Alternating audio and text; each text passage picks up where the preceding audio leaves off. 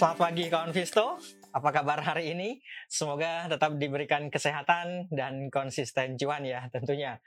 Baik, kita jumpa lagi di Trading Ideas di pagi ini, tanggal 14 November, awal pekan. Nah, sebelum kita membahas tentang ide trading, seperti biasa, eh, ada baiknya kita review dulu pergerakan ISG di perdagangan akhir pekan kemarin. Ya, di perdagangan akhir pekan kemarin, indeksnya mampu ternyata ditutup menguat berada di level 7089, 7089. Cukup menarik sih. Penguatannya yaitu sebanyak 122 poin kalau secara poin. Kalau secara persentase, penguatannya sebesar 1,76 persen. Ini banyak banget. Sebagaimana saya sampaikan sebelumnya bahwa uh, meskipun sehari sebelumnya kan melemah 1,4 persen, kemudian ditutup lagi uh, menguat 1,7 persen di pada akhir pekan kemarin. Jadi sebenarnya praktis selama kurang lebih dua minggu terakhir ini indeksnya tidak bergerak ke mana-mana atau ya mengalami sideways gitu aja atau konsolidasi meskipun persentasenya uh, cukup besar gitu ya. Artinya apa? Memang uh, spreadnya atau volatilitas indeksnya uh, besar gitu. Nah, kalau melihat dari pergerakannya di awal sih memang sudah indeksnya sudah mampu dibuka menguat, hanya saja kemudian sedikit mengalami tekanan jual, tetapi itu tidak tidak kemudian membawa indeks uh, apa bergerak di teritori negatif, akan tetapi selang berapa lama kemudian indeksnya Eh, muncul dorongan beli yang pada sesi pertama itu mampu ditutup berada pada kecenderungan menguat. Sebenarnya sih relatif konsolidasi ya, tetapi dorongan beli yang muncul itu tampaknya lebih mendominasi di sesi pertama itu. Makanya meskipun konsolidasi ya bisa dibilang cenderungnya cenderung uh, menguat. Pun demikian halnya dengan di sesi kedua. Di sesi kedua praktis uh, apa namanya dorongan beli itu bisa dibilang cenderung menguasai uh, jalannya pergerakan indeks di sesi kedua gitu ya. Sehingga secara keseluruhan ya di akhir pekan kemarin indeksnya berada pada kecenderungan menguat. Nah, dari penguatan yang terjadi di indeks itu, saham-saham apa saja sih yang uh, mampu membawa indeks bergerak menguat? Ya, lima besar saham yang mampu membawa indeks bergerak menguat. Yang pertama ada Goto. Goto di perdagangan kemarin mampu ditutup menguat sebanyak 11 persen. Ini banyak banget ya. Banyak banget. Goto mampu ditutup menguat 11 persen itu indeksnya udah ke mana-mana itu. Kemudian disusul oleh Bank BRI atau BBRI penguatannya 2,6 persen. Mandiri 3 persen. Ini gede-gede banget. Arto bahkan uh, ARA gitu ya.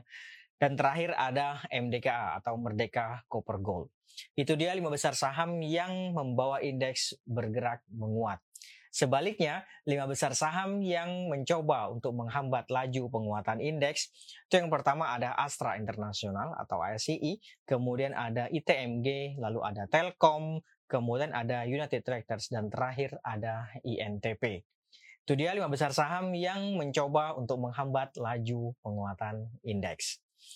Nah, selanjutnya bagaimana dengan transaksi asing? Ya, di perdagangan kemarin asing sendiri sebenarnya mencatatkan net sell, ya kan? Net sell sebanyak 610 bio. Kemudian itu secara keseluruhan, kalau kita rinci, lebih rinci lagi, lebih detail lagi, di perdagangan reguler sendiri, asingnya mencatatkan net sell, yaitu sebanyak 573 bio. Sementara di perdagangan uh, non regulernya aslinya mencatatkan net sell juga sebanyak 87 bio. Jadi baik di perdagangan reguler maupun di perdagangan non reguler atau di perdagangan nego aslinya mencatatkan net sell. Sehingga secara keseluruhan menjadi net sell 660 bio. Itu ya untuk uh, transaksi asing. Tapi indeksnya menguat ya meskipun asing banyak jualan. Nah, dari net sale asing yang terjadi di pasar reguler itu, saham-saham apa saja sih sebenarnya yang banyak dijual oleh asing? Ya, lima besar saham yang banyak dijual oleh asing, yang pertama ada uh, Telkom, kemudian ada Astra International atau ASII, lalu ada Bumi, Bumi termasuk salah satu yang banyak dijual oleh asing di perdagangan kemarin, kemudian ada ada Romineral atau ADMR, dan terakhir ada Bank Mandiri. Itu dia lima besar saham yang banyak dijual oleh asing di perdagangan akhir pekan kemarin. Termasuk juga ada Medco, Unilever, UNTR itu sih. Cuman dia masuknya ke 10 besar. Tuh. Nah sebaliknya lima besar saham yang banyak dibeli nih oleh asing di perdagangan akhir pekan kemarin. Yang pertama ada Merdeka Copper Gold kemarin banyak dibeli oleh asing. Tadi juga termasuk salah satu yang membawa indeks bergerak uh, menguat ya. Kemudian berikutnya adalah Goto. Goto juga termasuk juga salah satu yang banyak dibeli oleh asing. Tadi juga uh, menduduki ranking pertama yang membawa indeks bergerak menguat, yaitu penguatannya sebanyak 11%. Kemudian selanjutnya ada Antam, ada Buka, dan terakhir ada Arto. Itu dia lima besar saham yang banyak dibeli oleh asing di perdagangan akhir pekan kemarin. Termasuk juga sebenarnya ada Bank BRI sih. Bank BRI, kemudian ada BCA, Inco gitu ya, Semen Gresik, Semen Indonesia. Tapi masuknya ke 10 besar, bukan ke lima besar. Kalau lima besarnya ya itu tadi. Oke, itu dia untuk uh, transaksi asing. Bagaimana dengan outlook hari ini? Nah, nih kita ke sini kawan. ya, kalau melihat pergerakan uh, IHSG ini, ya kemarin kan mampu ditutup menguat nih. Ya, kemarin dia mampu ditutup menguat dan tampaknya mencoba untuk bergerak kembali di atas EMA 50 itu kawan. Dan saya pikir ini memberikan peluang sih untuk uh, berlanjut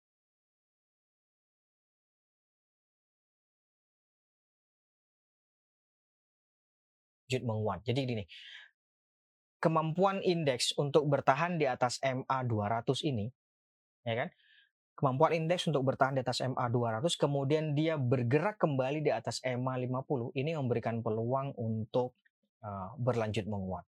Jadi diperkirakan hari ini akan kembali bergerak fluktuatif dengan kecenderungan menguat terbatas. Ring pergerakan diperkirakan antara ya 7050 atau 7045 ya di level-level itulah sampai eh, uh, 7125 lah paling dekat ya. Paling dekat 7125 sih di atasnya ada 7150 nih. Sini kawan. Gitu ya. Jadi hari ini diperkirakan akan kembali bergerak fluktuatif. Bisa saja sih di awal dibuka melemah gitu misalnya karena kemarin kan memang penguatannya uh, cukup tinggi 1,7 persen. Biasanya ketika dia dibuka cukup tinggi seperti itu akan terjadi uh, koreksi sedikit gitu ya. Nah, tapi kemudian uh, bisa saja seiring dengan berjalannya waktu pelemahannya semakin menipis, semakin menipis, bahkan tidak untuk kemungkinan untuk berada di teritori uh, positif. Jadi diperkirakan hari ini bergerak fluktuatif, kecenderungannya cenderung menguat terbatas. Ring pergerakan tadi 7045 sampai ya 707125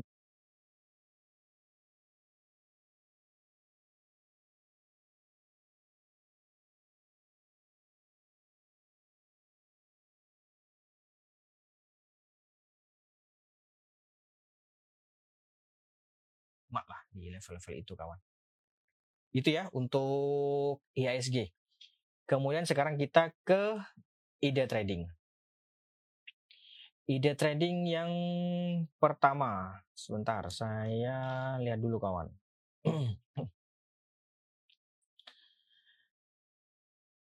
uh, ada Sico. Sico. Oke, wis. Nih lumayan sih ini lumayan sih. Ini ya sico ya. Sebentar saya kasih ini dulu deh satu deh. Tuh. Gini kawan. Nah sico ini menariknya kenapa? Saya gedein. Nah ini sebagaimana uh, saya sampaikan beberapa hari kemarin ya kalau nggak salah ya.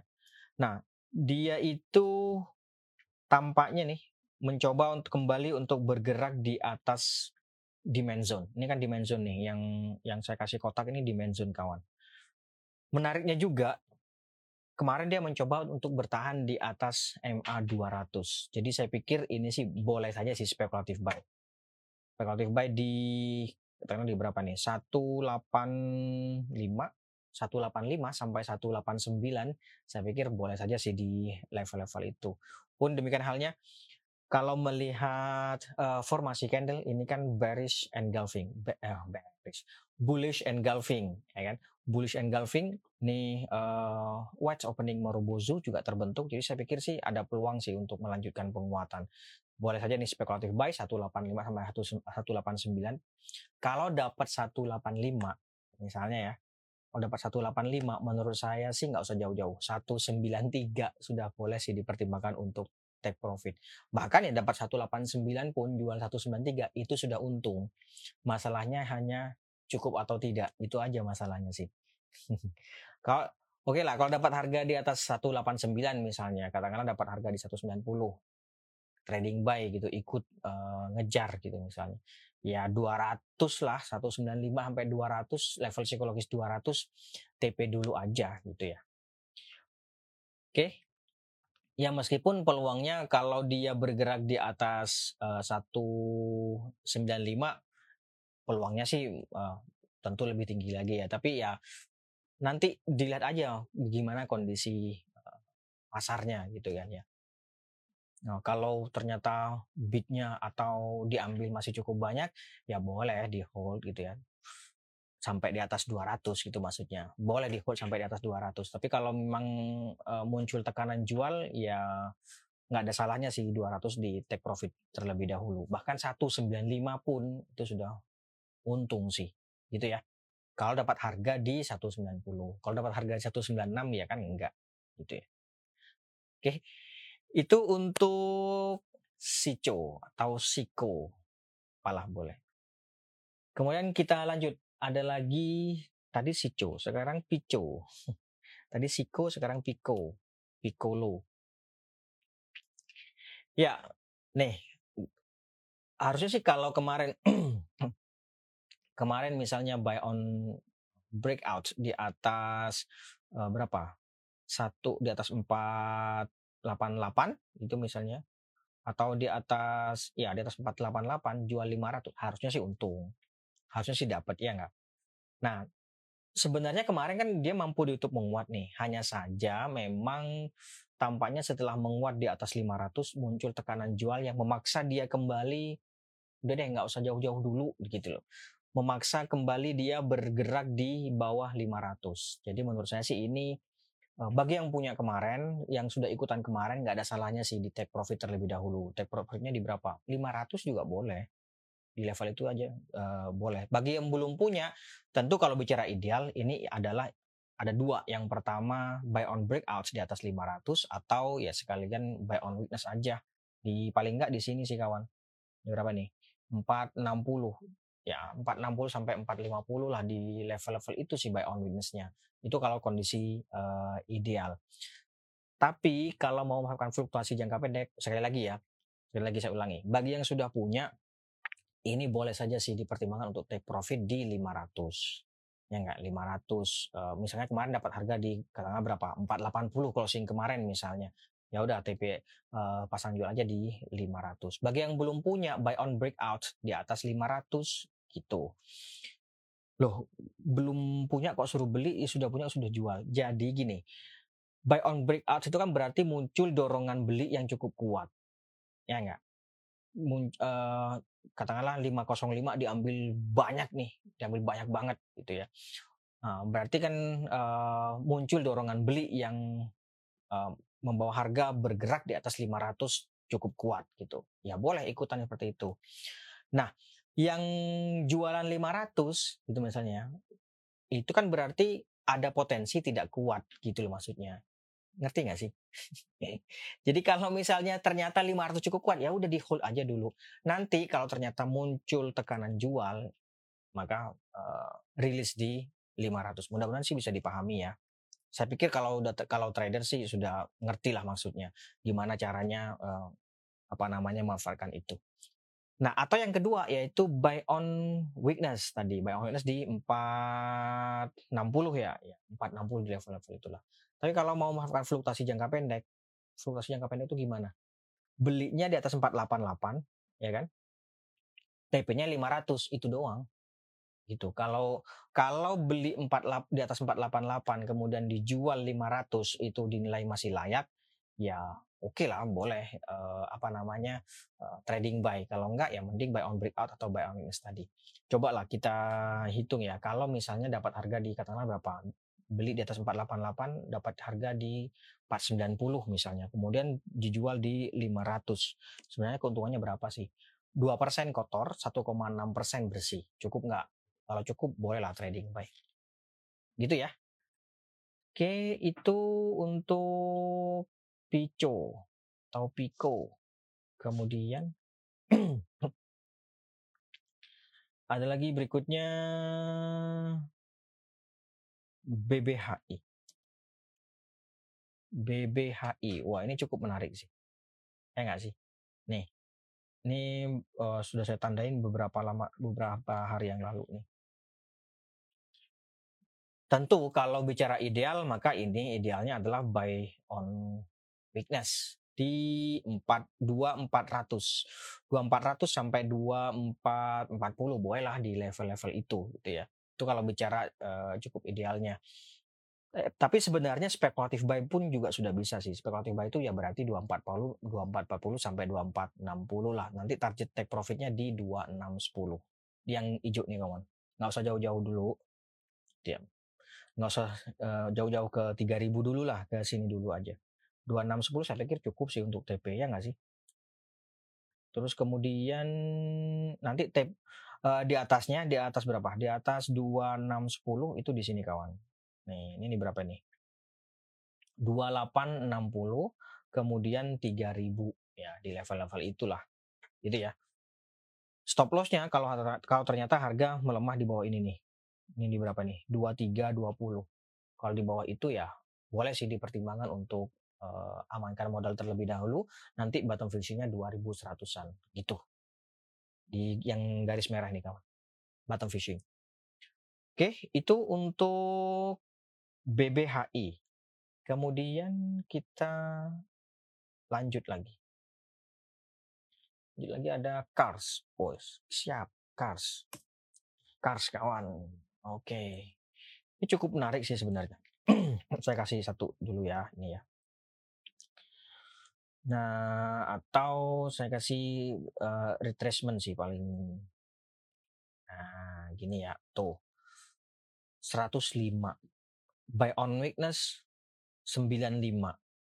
95 oke okay lah, boleh juga 95. Kemudian terdekat 99. 99 102 106. Ya, itu. Jadi gini, buy on witness ini boleh juga, ya. Kalau mau buy on witness boleh di 95.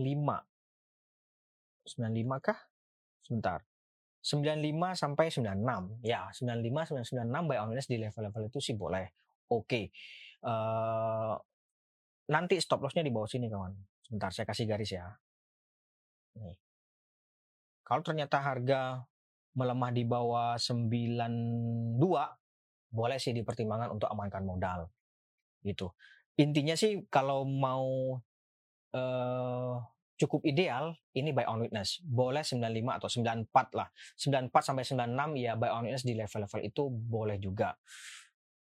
Nanti TP-nya di berapa? Kalau dapat harga di berapa? 95 itu misalnya Nah, resist terdekatnya itu di 98 eh, 99 ini kawan. Di sini. Intinya gini deh. Support terdekatnya itu ada di 95 ya kan. Kemudian di bawahnya 92 nih. Itu. Kemudian resist terdekatnya itu ada di 99 102 106 bolehlah main-main di level-level itu apa pun strateginya. Mau buy on witness mau trading buy main-main di level itu uh, boleh saja. Intinya sih itu. Tapi kalau mau cukup ideal ya buy on witness tentunya. Karena kenapa? Kemarin muncul tekanan jual yang memaksa dia kembali tertekan di bawah 100 atau di bawah uh, 99 gitu. Jadi cukup idealnya sih buy on witness tapi kalaupun misalnya nih hari ini dia katakanlah dibuka melemah di 96 atau 95 atau ya 96 lah. Kemudian dia bergerak naik nih. nggak sempat ikut kita, dia bergerak naik sampai di atas 97, menurut saya sih nggak ada salahnya untuk ikutan masuk trading buy gitu ya. Ya, kalau saham gini nih 97 jual 98 itu sudah untung sih sebenarnya. Masalahnya cuma kembali lagi cukup atau enggak itu aja. Yang jelas resistance level terdekatnya 99, 102, kemudian 106. Supportnya 95, 92. Gitu kawan. Oke. Mudah-mudahan bisa dimengerti, bisa dipahami juga. Kita lanjut. Ada lagi pagi juga om. pagi juga kawan. Amin, amin. Sehat, sehat, sehat juga kawan. Tetap jaga kesehatan ya kawan. Anjay. Loh, energi sekarang. Energi, oke. Okay. Energi Ya, kalau punya ini sih idealnya TP sih.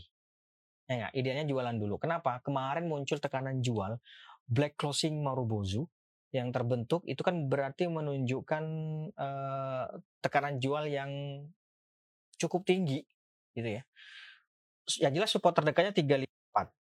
Jadi gini, kemarin closing 364 misalnya. Uh, biasanya kan kalau terjadi long black candle ada sedikit uh, rebound sejenak. Nah, bagi yang sudah punya mending TP dulu aja. Di berapapun 270 ya boleh. 264 bahkan juga uh, boleh sih nggak ada masalah. Nanti bottom fishingnya di 354 itu strategi sama gitu ya. Kenapa Demikian, ini kan bearish engulfing juga nih. Kalau bearish engulfing, bearish engulfing kan berarti ada potensi untuk mengalami pelemahan. Nah, ternyata setelah ini kita anggap terburuk dulu ya. Ternyata setelah kita jual malah naik harga gitu kan. Kita jual 370 malah naik kayak gitu kan. Uh, sampai terus naik kalau naiknya sampai di atas 386 boleh saja sih di buyback. Nanti jualnya 396 gitu kawan mainnya. Gitu ya. Atau bagi yang belum punya nih, bagi yang belum punya ya tentu nunggunya di atas 396, buy on breakout di atas 396. Dan kata lain kalau misalnya hari ini dia bergerak menguat sampai di atas 396 ya boleh dipertimbangkan untuk uh, ikutan spekulatif buy. Gitu kawan. Gitu ya. Itu untuk uh, energi. Hmm, supportnya itu tadi 354 kemudian di bawahnya di sini nih kawan uji EMA 20 yaitu di 346. Oke. Itu energi kita lanjut ada BMTR. BMTR BMTR. Ya, sampai dengan saat ini sih bisa dibilang dia sedang uji resist di 306. Buy on breakouts di atas itu boleh. Ya.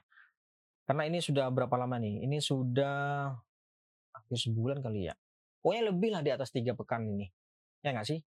Lebih sih di atas tiga pekan ini belum mampu bergerak di atas ini. Kemarin kan sempat nih uji ini, tapi besok harinya kemudian ketekan lagi.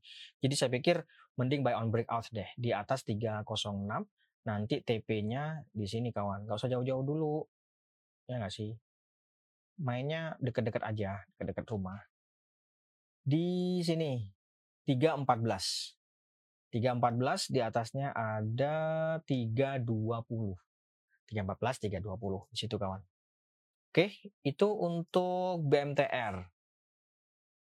Kalau mau cukup ideal belinya tentu di sini kawan, nunggu di bawah nih 296, 296 terus dan ya 290 sampai 296 itu cukup ideal sih untuk uh, on witness. Kalau misalnya hari ini bergerak menguat dengan dukungan volume yang banyak di atas 306 boleh saja sih ikutan. Oke, kita lanjut. Setelah BMTR ada Medco. Medco, Medco. Oke, ini dia Medco.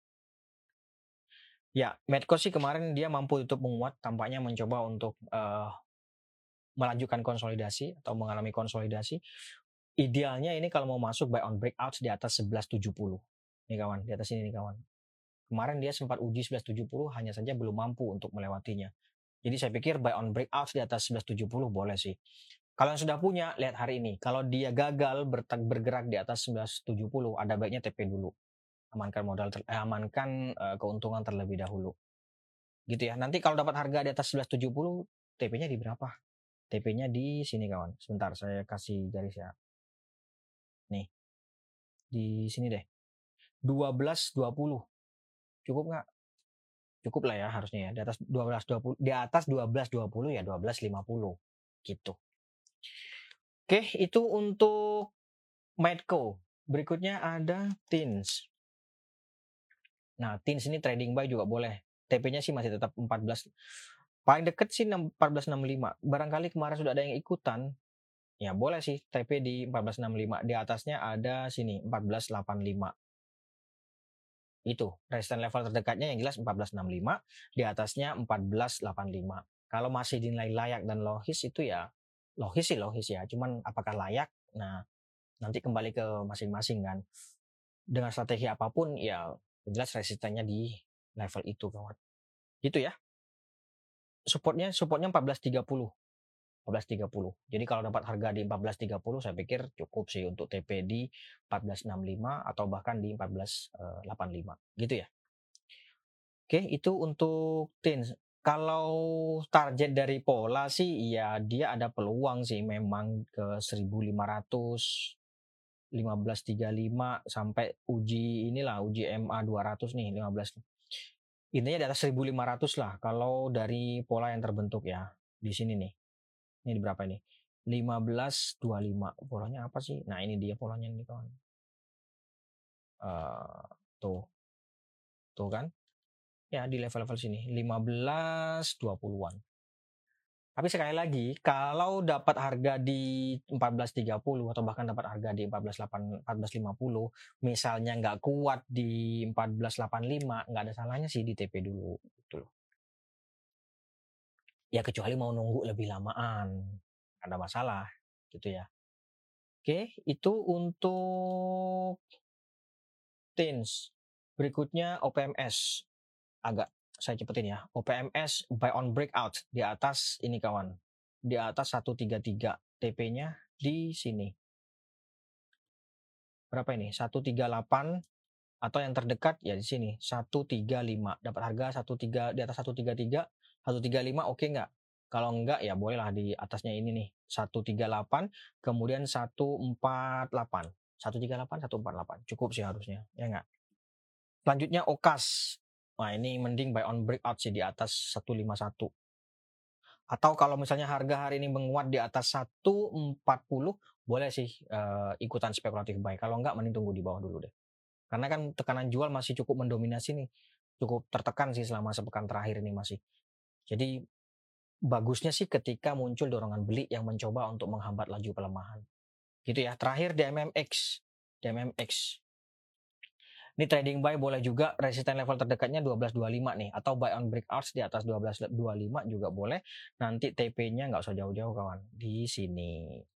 Ini berapa ini? 1270 ya di atasnya sih kalau mau rel relatif uh, ideal ya 13 1300 sampai 1345 sih di level-level itu. Cukup menarik nih DMMX, bolehlah watchlist.